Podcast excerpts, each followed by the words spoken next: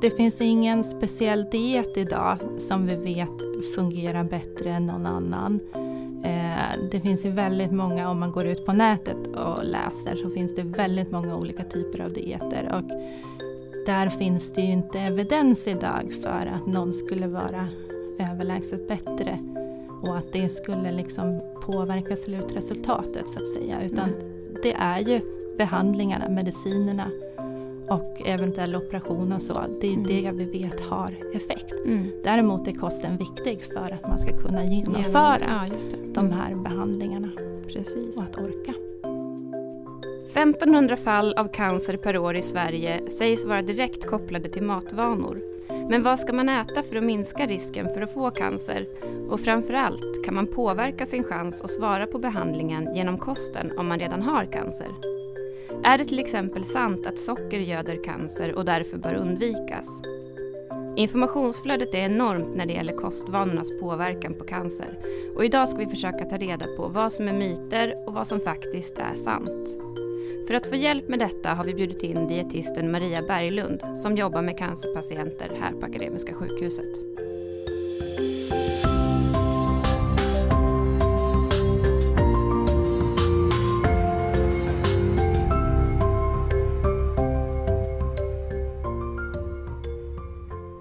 Då har jag alltså med mig en av Akademiska sjukhusets dietister här i studion, Maria Berglund. Välkommen hit. Tack så mycket.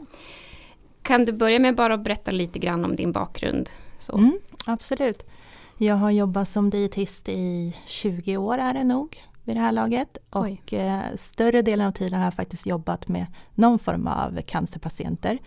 Eh, första tio åren jobbade jag framförallt på hematologen med blodcancer. Men eh, sen har jag även varit i fem år på Radiumhemmet. Mm. Så där jag jobbade bara med cancerpatienter. Och, och Radiumhemmet är som onkologen förut i Stockholm kan man säga? Ja. Precis, mm. på Karolinska Universitetssjukhuset. Och eh, de senaste fyra åren har jag jobbat här på Akademiska på onkologen. Ja, Jobbar du bara på onkologen eller är du på andra ställen också?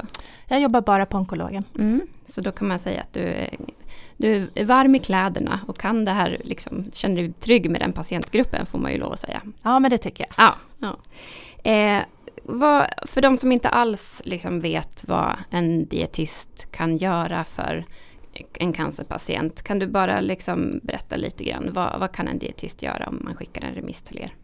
Absolut, vi kan ju göra ganska många olika saker men det vanligaste är ju att man har någon form av ätsvårigheter kan vi säga. Mm. Att eh, man av sjukdomen eller av behandlingen har fått nedsatt aptit eller man mår illa eller har besvär med magen. Man kanske har gått ner i vikt av sjukdomen eller att man har fått svårt att äta och börjat gå ner i vikt. Och eh, det är väl oftast då vi träffar patienterna. Mm. Eh, och där kan vi ju gå igenom kosten och se helt enkelt hur är förutsättningarna och vad kan vi jobba med med maten i sig. Mm. Och vad kan vi lägga till i form av näringsdrycker eller proteinpulver eller vad som mm. nu kan behövas. Mm. Tycker du att ni får remisser liksom i rimlig tid eller får ni dem ofta för sent så att det är svårt att hinna liksom komma in med bra hjälp? Eh, både och. Jag kan säga att det har hänt väldigt mycket. Nu har jag jobbat länge. Mm. När jag började jobba då fick vi remisserna alldeles, alldeles för sent i de flesta fall. Mm. Nu för tiden är man duktigare på att eh, skicka remissen i tid så att det är mycket lättare för oss att göra bra åtgärder som får effekt. Mm.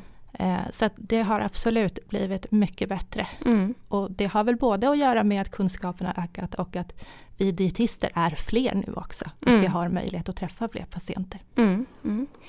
Eh, vad är, jag tänker att det finns ju säkert många utmaningar eh, som dietist att kunna liksom hjälpa och göra rätt. Men om du skulle säga någon av de största utmaningarna sådär som dietist att, eh, med cancerpatienter just, vad, vad skulle det vara?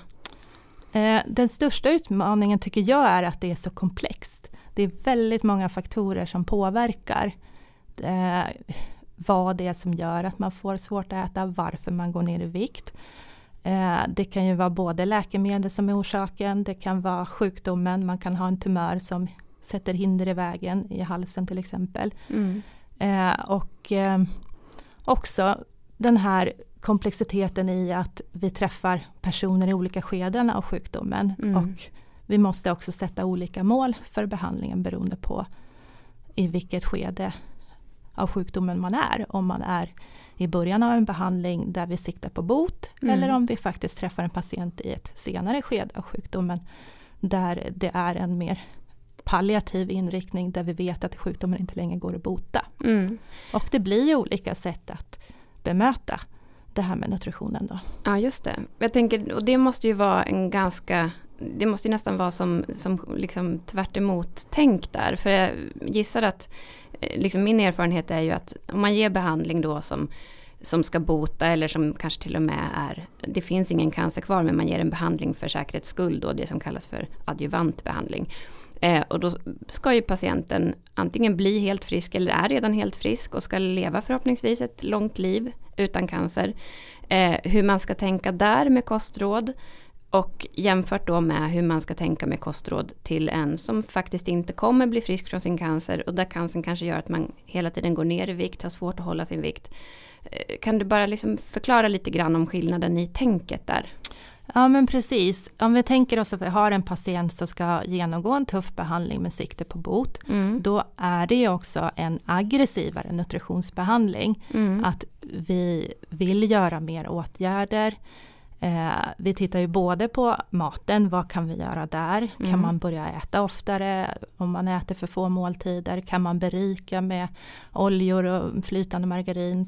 Är proteinintaget tillräckligt? Mm. Men det kan ju också vara så att det inte är tillräckligt, det går inte. Där kan vi behöva sätta in till exempel sondnäring Mm. som ett extra stöd, att man sätter en sond eller en sån här gastrostomi till exempel. Eller Mm. att vi till och med, om det är helt stopp i mag-tarmkanalen, att vi behöver ge näringsdropp. Mm. Eh, Så där kan vi vara ganska aggressiva i nutritionsbehandlingen för att de ska orka gå Mm. igenom den här tuffa behandlingen som det många gånger kan vara. Mm. Eh, medans är det i ett senare palliativt skede, då blir det ju oftare mer lindriga eller mildare kostråd. Att man kanske måste fokusera mer på ät och drick det du kan. Man Mm. kan stötta upp med näringsdrycker. Det här med proteinintaget kanske inte blir lika viktigt. Mm. Det är fortfarande bra om man kan få i sig det. Mm. Men att man kanske måste lägga det på en lägre nivå. Ja. Där man fortfarande mår bra. Mm. För att börjar man pressa på för mycket där så kan man må väldigt dåligt Mm. av att äta. För att alla, eh, alla kroppar klarar inte av den belastningen. Nej, just det. Och jag tänker då, då har vi, då har ju liksom ändå båda de två exemplen vi tog nu så är det ju ändå där man har någon typ av svårighet att få i sig. Men om man tänker de som genomgår en behandling som ofta innehåller väldigt mycket kortison som gör att man har lättare att gå upp i vikt för att man kanske får en mer, mer aptit och mer sötsug och mer liksom eh, så. Och många går ju upp mycket i vikt av en sån behandling.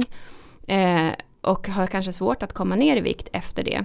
Hur mycket av ditt jobb handlar om det? Att hjälpa folk att inte gå upp i vikt under behandling eller att komma tillbaka till sin målvikt efter en behandling? Precis, det här är ju en patientgrupp man ofta glömmer bort. Både kanske vi inte har prioriterat den så himla högt för att resurserna har varit begränsade. Eh, Men medvetenheten har ju ökat även där och vi får remisser på den här patientgruppen. Och många har ju fått råd, eller kommer in med tanken att man ska, kommer gå ner i vikt när man går igenom en behandling. Och så är det ju inte för väldigt många Nej. patienter idag. Och därför är det ju viktigt att vi också som vårdpersonal är tydliga med det. Att Mm. inte bara säga ät som vanligt utan kanske också försöka fråga hur äter du idag? Och hur ser din, dina matvanor ut? För att vi vet också att under många behandlingar är det viktigt att äta faktiskt bra, om man säger så, att följa de här nordiska näringsrekommendationerna Mm. för att begränsa en viktuppgång. Mm. Och vi träffar ju patienter enskilt, det är inte vår största grupp, men vi har de patienterna också. Mm. Mm. Just för att kunna förebygga viktuppgång, för det kan ju vara väldigt tufft att gå ner igen sen Mm. när man är klar med sin behandling. Mm. Och när vi pratar om näringsrekommendationer så eh, finns det någon liksom specifika näringsrekommendationer för cancerpatienter eller är det samma som för eh, övriga befolkningen? Eh, både ja och nej kan man säga. Har man inga ätsvårigheter, att man kan äta och dricka som vanligt, man har en normalvikt, då är det utifrån de här nordiska näringsrekommendationerna som vi rekommenderar att man ska äta.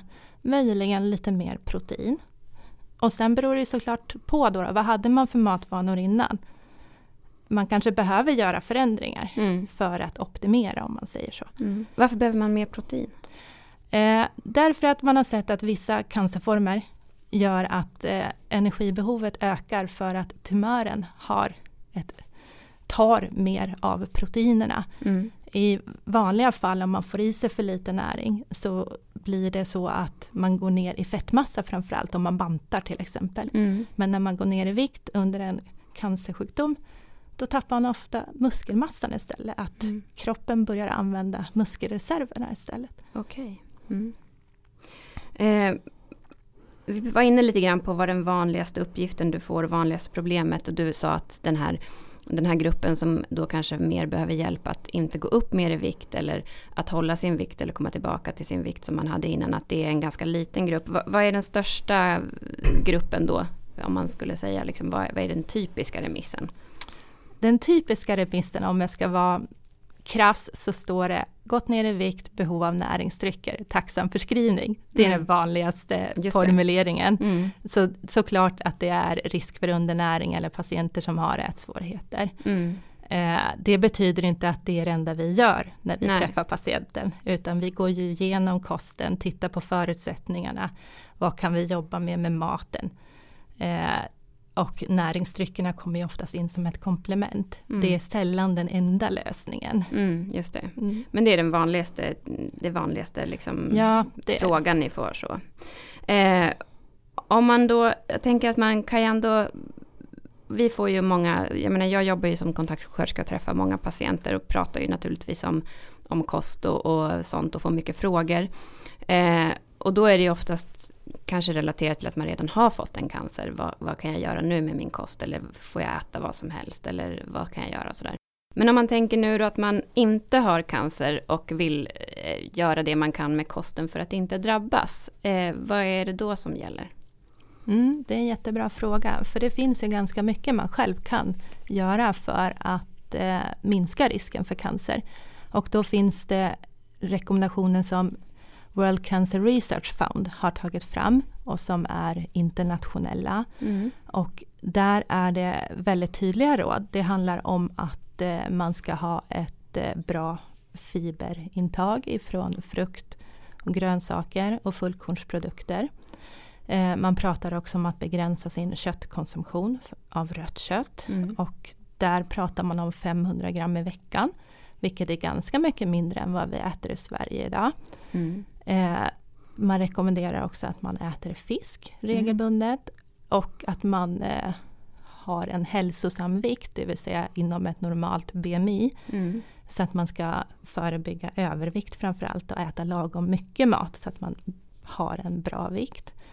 Eh, sen finns det också faktiskt begränsningar kring alkohol. Mm. Eh, att där är rekommendationen att ingen alkohol alls eller så lite som möjligt. Mm. Eh, och eh, sista rådet, eller det finns fler men det finns också saker som kanske är svårt att påverka. Eh, men kan man amma sitt barn så mm. har det också en, en, skyddande. en skyddande effekt. Ja, just det. Eh, och det sista rådet som kanske många tänker på det är det här med socker. Och eh, då är det rekommendationen att man ska undvika processad mat som ofta innehåller socker och eh, sockerrika drycker framförallt. Och där handlar det inte om att det är sockret i sig som ger cancer utan att sockerrika livsmedel ökar risken för övervikt och det är övervikten som är kopplingen till ökad risk för cancer. Just det. Och det där med socker kommer vi komma in på sen för det är väldigt intressant och finns mycket olika myter eller vad man ska kalla det för kring det. Men det återkommer vi till.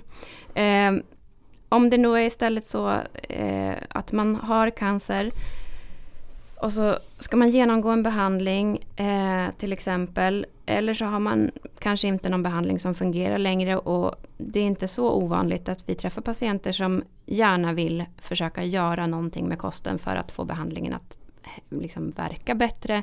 Eller som tänker att men nu, jag kan i alla fall göra något med min kost för att mm. försöka förbättra prognosen. Mm. Finns det någonting där man kan göra för att liksom öka chansen att bli botad eller att leva längre eller så, om man har cancer?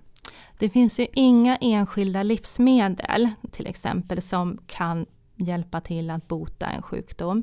Däremot så kan man ju se på helheten av kosten såklart. Att försöka i största möjliga mån titta, eh, äta regelbundet så att man får i sig lite mer än om man bara äter ett par måltider per dag till exempel. Att man eh, får i sig proteinerna såklart för att spara på muskelmassan. För muskelmassan har man också sett en koppling till att tappar man mycket muskelmassa så ökar risken för biverkningar. Och eh, biverkningar kan ju i sig ge mer ätsvårigheter. Mm. Eh, man kan också tänka på att eh, Ja, men det här, mycket handlar om att få i sig tillräckligt mycket energi såklart. Att kan man förbereda, har man vissa dagar som man vet att man mår sämre under sin behandling, att man har lite matlådor mm. färdiga. Mm. Man kanske behöver näringsdrycker som stöd. Mm. Eh, också en faktiskt som jag tycker många har svårt för det är att man får i sig tillräckligt mycket vätska. Mm. Och få, vätska gör ju också, påverkar också hur man mår och det påverkar hur njurarna fungerar och njurvärdena tittar man ju mycket på inför behandlingar. Och där ser man ju ofta att har man druckit för lite så blir de påverkade. Så mm. att tänka på att dricka ordentligt. Mm. Det är en ganska enkel sak men mm. som många glömmer bort. Att mm. det påverkar ganska mycket. Just det. Men inget sådär liksom snabb recept på det här kan man göra för att liksom få det att funka bättre. Utan det är mer allmänna råd kring liksom hur man generellt äter och fördelar sin kost och liksom får i sig allsidigt och så. Det är mer ja. den typen av råd man kan ja, tänka. Ja, det mm. finns ingen speciell diet idag som vi vet fungerar bättre än någon annan. Eh, det finns ju väldigt många, om man går ut på nätet och läser, så finns det väldigt många olika typer av dieter. Och där finns det ju inte evidens idag för att någon skulle vara överlägset bättre och att det skulle liksom påverka slutresultatet så att säga. Utan mm. det är ju behandlingarna, medicinerna och eventuell operation och så. Det är mm. det vi vet har effekt. Mm. Däremot är kosten viktig för att man ska kunna genomföra ja, de mm. här behandlingarna. Precis. Och att orka. Eh, jag tänker på, som du sa nu då, det, det florerar ju oerhört mycket liksom, typer av dieter och tips om hur du ska äta och göra för att liksom, inte bli sjuk eller för att bli botad om du nu är mm. sjuk och så. Och inför det här avsnittet så liksom läste jag igenom en del men man kan ju hålla på hur länge som helst mm. verkligen. Eh, och jag menar våra patienter är ju pålästa nu för tiden. Tycker du att det har liksom ändrat senaste åren vad patienterna har för frågor och vad de liksom förväntar sig få för hjälp av er och så med tanke på, på att det nu finns så mycket mer information att hämta hela tiden? Ja men absolut, det ser vi ju och vi ser ju också framförallt genomslag, vad är det som trendar just nu? Mm. Vad som man har pratat om i media, vad som har skrivits i tidningarna. Det är väldigt tydligt vad det är som är inne just nu.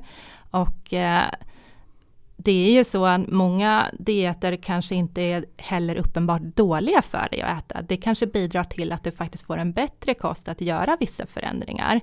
Och eh, då försöker ju vi stötta i största möjliga mån, men vi vill ju också att säkerställa att man får i sig tillräckligt mycket energi, tillräckligt mycket näring.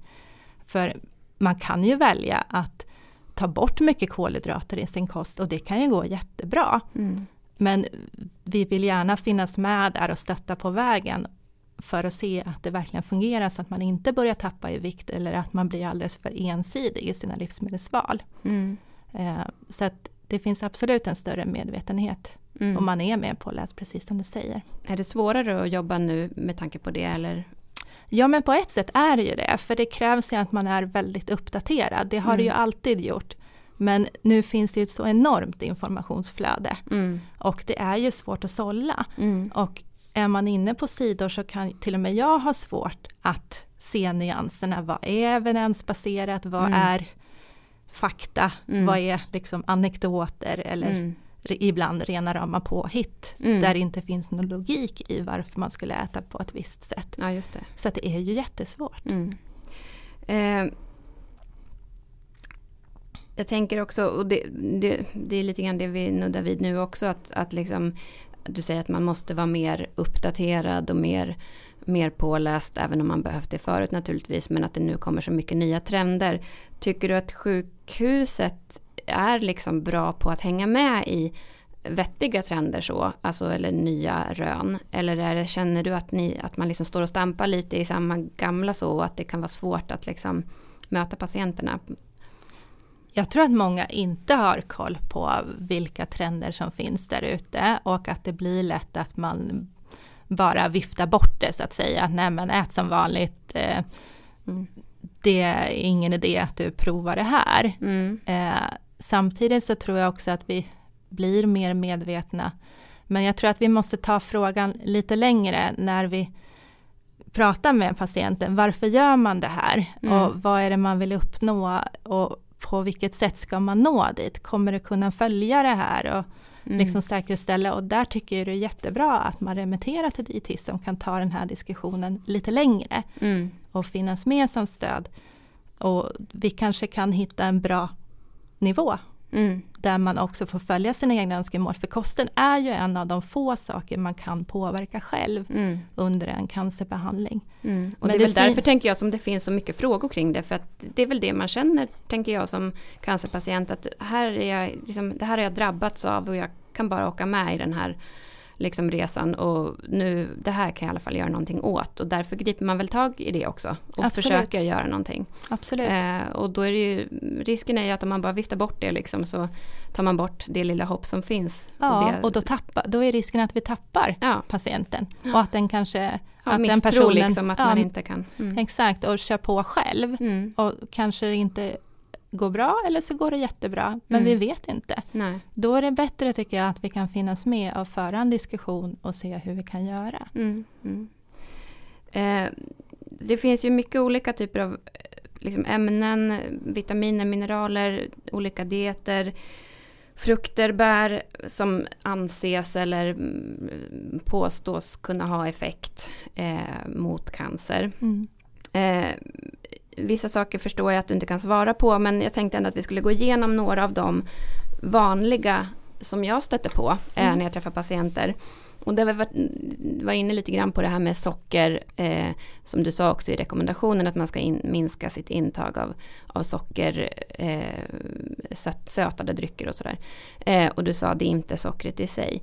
Men det är ju en vanlig myt att mm. socker göder cancer. Mm. Och det är inte alls ovanligt att jag träffar patienter som säger att nu ta, har jag tagit bort helt socker i min kost för att liksom, då får cancern ingen näring, den kan inte äta socker mm. och kan inte växa och sådär. Mm. Eh, berätta om det. Ja, och det finns ju en, delvis en sanning i det här för att vi vet ju att cancerceller använder glukos i sin omsättning och väldigt mycket. Men eh, det är svårt att svälta en cancertumör i kroppen. Vi kan se det i provrör att tar vi bort glukos så slutar tumören växa. Men i kroppen har vi ju alltid en ständig produktion av glukos. För hjärnan använder glukos, många organ använder glukos. Så att även om vi tar bort sockret i kosten så kommer vi ändå bryta ner till exempel proteiner till glukos.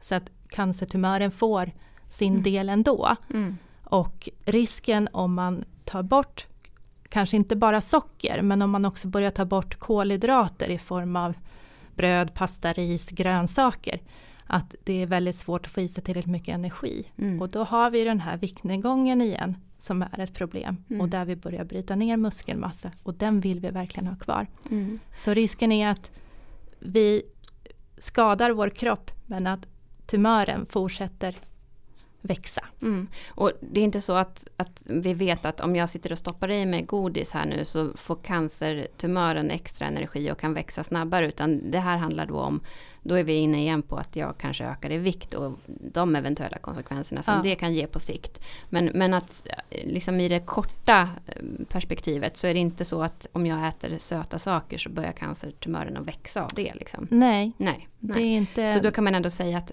det är faktiskt en myt att socker göder cancer på det sättet. På det sättet, ja. absolut. Eh, och jag menar det tänker jag att man kan likna det vid också att om man tar ett blodprov och kollar blodsocker på en människa som inte ätit socker så finns det ju ändå socker i blodet. Så att det finns som du säger hela tiden i kroppen. Det är inte så att det försvinner för att vi slutar äta socker. Exakt. Eh, det här med tidvis fasta eller hel fasta, alltså i perioder så. Vad, vad, säger du om det? Det är ju en ganska, ganska het nyhet det här med att man ska ha eh, fasta under en del av dagen eller vissa dagar i veckan och sådär. Precis. Eh, där kan vi väl säga att det pågår jättemycket intressant forskning kring det här. Och eh, det finns studier där man har gjort eh, både fasta och periodiskt fasta. Eh, problemet med studierna är att de är väldigt små. Det är inte jättemånga. Eh, det är en blandad patientgrupp. Eh, så att det finns liksom lovande resultat. att Man har sett att det kan påverka att man mår bättre att man kan få mindre biverkningar och att tumören kanske blir mer känslig om man fastar.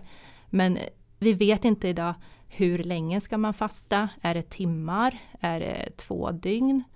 Och det är troligtvis inte så att alla patienter klarar att ha den här fastan för att man har redan svårt att hålla vikten som det är. Mm. Att man behöver fortsätta äta. Mm. Så att vi är inte där idag att vi säger att man ska fasta och att det har det är så man ska göra. För att Nej. vi har inte tillräckligt mycket data på det än. Men är det under behandling framförallt som man ser då, ja. har sett eventuellt att det finns, Precis, att, att, behandlingen har bättre effekt om man skulle ha viss fasta? Ja, man har sett det på råttstudier och musstudier mm. och man har gjort några eh, humanstudier, alltså på människa. Mm. Eh, att det kan vara så att det kan vara gynnsamt med fasta. Mm. Men det är väldigt spretigt idag. Mm. Och vi vet inte vilka, det kanske är olika patientgrupper som gynnas olika mycket. Ja, För cancer är ju inte bara en Nej. sjukdom, det Nej. är ju väldigt många olika tumörtyper. Ja. Så att jag har svårt att säga idag att det är det man ska göra. Mm. Just det, men det är ändå någonting som är intressant och kommer fortsätta diskuteras säkert i framtiden. Ja men absolut. Eh, när jag träffar patienter och pratar med dem om ifall de tar kosttillskott och sådana där saker så är det väldigt vanligt att folk säger att de tar gurkmeja. Mm. Eh, finns det något fog för att ta det? Eh, det är lite samma svar där, att det pågår studier. Man har ju sett att det här ämnet kurkumin kan ha en effekt på cancerceller när man har tittat i provrör bland annat. Mm. Eh, men provrör är en helt annan miljö än i kroppen. Och eh, samma sak där, att vi vet inte hur stora doser ska man ta för att få en effekt, om det har en effekt i kroppen. Hur ska man ta det? Eh, det kanske behöver sprutas in eller kanske måste vara ett koncentrat. Det är alldeles för tidigt att säga någonting om det här. Mm. Men är det någonting som talar för att det skulle vara något farligt liksom att ta det? Eh, rent liksom ur näringssynpunkt. Jag förstår om du inte kan svara på interaktion med andra läkemedel och sådär. Men är det någon nackdel att liksom äta mycket gurkmeja?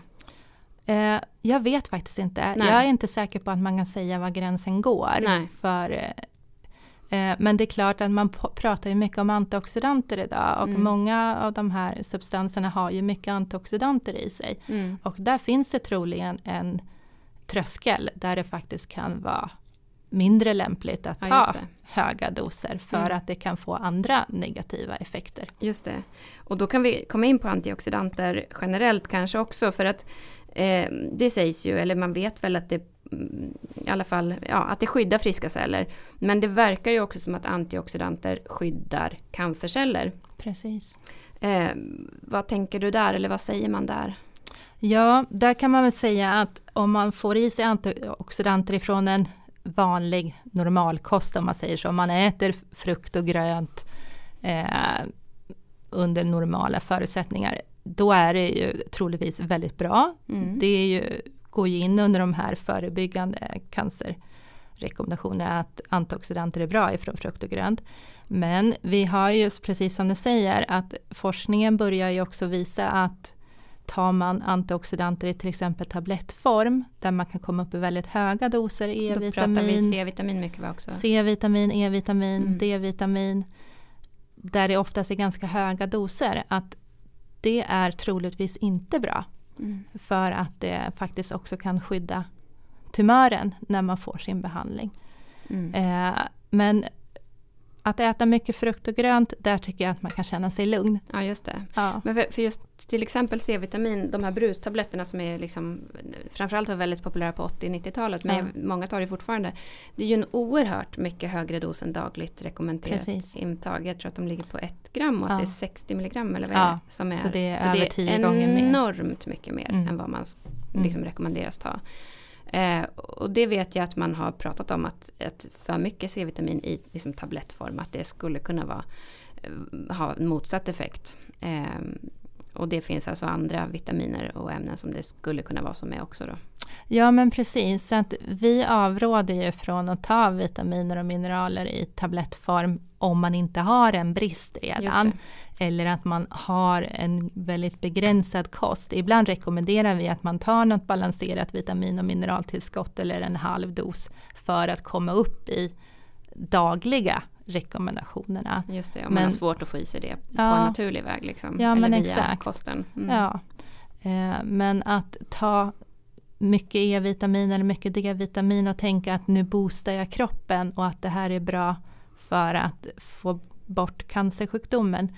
Då kan det nog bli åt andra hållet istället. Det finns det ju studier som har visat när man har just testat med hypotesen att A-vitamin eller retinol skulle skydda rökare till exempel mot eh, lungcancer och där blev det ju precis tvärtom. Mm. Att man fick en ökad förekomst istället. Det. Och det fick ju avbrytas. Mm. Så att det är inte ofarligt. Är man inte ska ofarligt. tänka Nej. på att det mm. ändå... Och hur är det då med till exempel fiskleverolja och sådana där saker om man inte kanske får i sig fisk så mycket som det rekommenderas. Har man sett någonting liknande där? Vet du det ifall det kan vara någon risk att liksom ta det som tillskott i de här kapslarna eller? Jag tror att man, jag kan inte säga en exakt dos, men man bör ju inte liksom överskrida och ta mer och tänka att det är bättre. Nej. Men jag törs inte riktigt svara på liksom var gränsen Nej. går. Men många innehåller ju mycket E-vitamin till exempel för att skydda att fettet inte ska oxidera. Så att, läs på förpackningen och se hur mycket innehåller det faktiskt. Mm, mm, just det. Eh, sötningsmedel var ju också så här ganska många år sedan som man pratade om att de här light-produkterna eller eh, att de som är, har, innehåller olika typer av sötningsmedel, mm. att sötningsmedel ger cancer. Mm. Vet man någonting om det? Ja, där vet man ju väldigt mycket. Det är ju en av de eh, substanser man har verkligen gått till botten med och studerat under många års tid. Och där har man ju kunnat utesluta att eh, det skulle ge tumörer.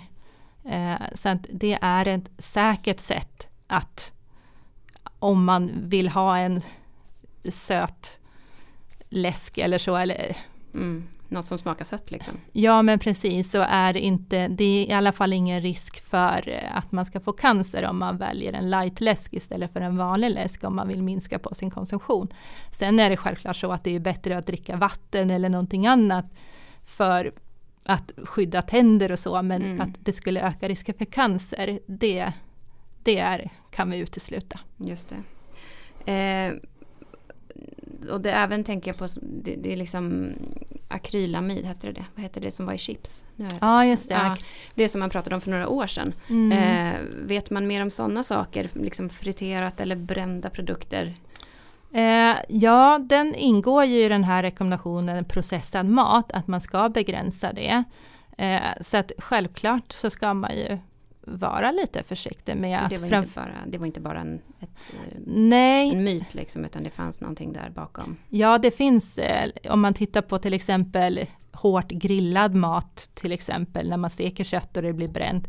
Då bildas ju ämnen som vi vet kan vara cancerogena. Mm. Eh, och det är samma sak med eh, ja, pommes frites och så som upphettas att det är stora mängder. Mm. Men det betyder inte att man inte kan äta det ibland. Mm.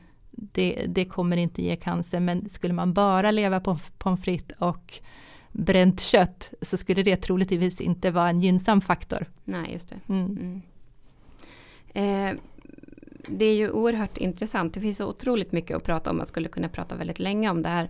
Men när du, du som ändå jobbar med det här dagligen, läser mycket studier och är insatt i det. Är det någonting du tänker på sådär som du känner att nu har jag tillfälle att liksom lyfta fram någonting som du har tänkt på?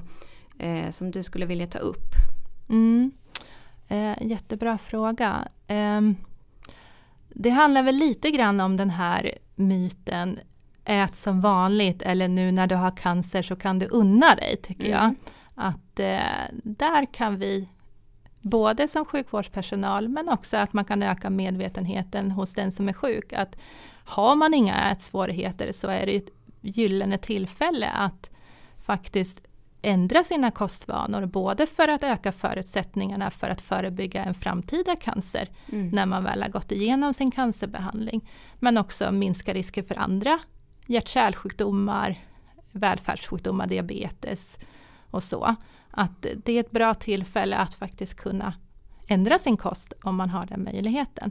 Men också att inte vara rädd för att äta och tänka att allting jag äter kommer ge mig cancer eller att det kommer det här Mm. kommer göra att jag inte blir frisk för att jag äter Mm. den där gelérottan. Mm. Det, Att det liksom inte är så farligt och att det handlar kanske ofta om stora mängder av saker.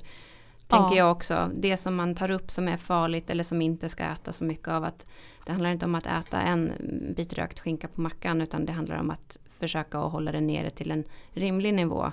precis. Ehm, men jag tänker också det här som du säger att, att nu om man får en behandling som faktiskt är botande och du blir frisk från din cancer att det är tillfälle att, att faktiskt ändra sina vanor om man nu inte har haft så bra vanor. Eh, och där kanske vi, tänker jag, inom sjukvården borde vara lite bättre på att, eh, att stötta i det eh, och inte vara så rädda för att, att ta upp de här frågorna som att eh, liksom, hur, hur ser det ut med dina matvanor och eh, är det så att du har gått upp i vikt nu av behandlingen och så kanske du behöver försöka liksom tänka på det eller eh, få, få hjälp med det hur du ska lägga om din kost så att du kommer tillbaka till en, en bra vikt som du mår bra av. Ja. Eh, för jag tror att vi är ganska rädda för att gå in på den, vissa av oss i alla fall, kan vara lite rädda för att, att liksom trampa, att man tra- gör ett övertramp, att man Mm. kanske börjar diskutera just det med viktnedgång, att det är lite tabu då, Mm. mer att man vill liksom Mm. ät på och bra Mm. att du går upp i vikt. Och, ja, eh, och att vi faktiskt tänker på att det är olika typer av eh, olika typer av situationer. Där man precis. antingen ska bli frisk eller också behöver hålla sin vikt för att klara av behandlingar för alltid. Liksom, för Mm. att man faktiskt inte kan bli frisk. Mm. Ja, för jag tror att man gör ju personer en björntjänst om man inte informerar om att det faktiskt finns en möjlighet att påverka eh, och förebygga framförallt övervikt. Just, vi vet ju att det är jättesvårt att gå ner i vikt när man väl har gått upp i vikt. Så att kan man liksom prata kring det här när vi vet att vi ger till exempel hormoner eller kortison som eh, ökar risken för övervikt för att man får ett ökat sug och det, det sker mycket saker i kroppen. Att vi hjälper till att inte hamna i den situationen när man har gått upp 10 kilo i vikt och då börja prata om det. Mm. Mm. Ja, vi får kanske göra en del två här framöver där vi får gå in ännu mer på olika spännande ämnen. Men vi har i alla fall fått ventilera en hel del tycker jag. Mm. Jätteintressant att prata om verkligen. Jättekul att du kom hit med all din erfarenhet. Tack så mycket. Tack själv! Och tack till alla er som lyssnat. Vill ni lyssna på oss igen finns alla avsnitt tillgängliga på vår hemsida www.enpoddomcancer.se eller i din mobilapp där du lyssnar på poddar. Om du vill komma i kontakt med oss finns vi på mejladressen enpoddomcancer.akademiska.se. Hej då!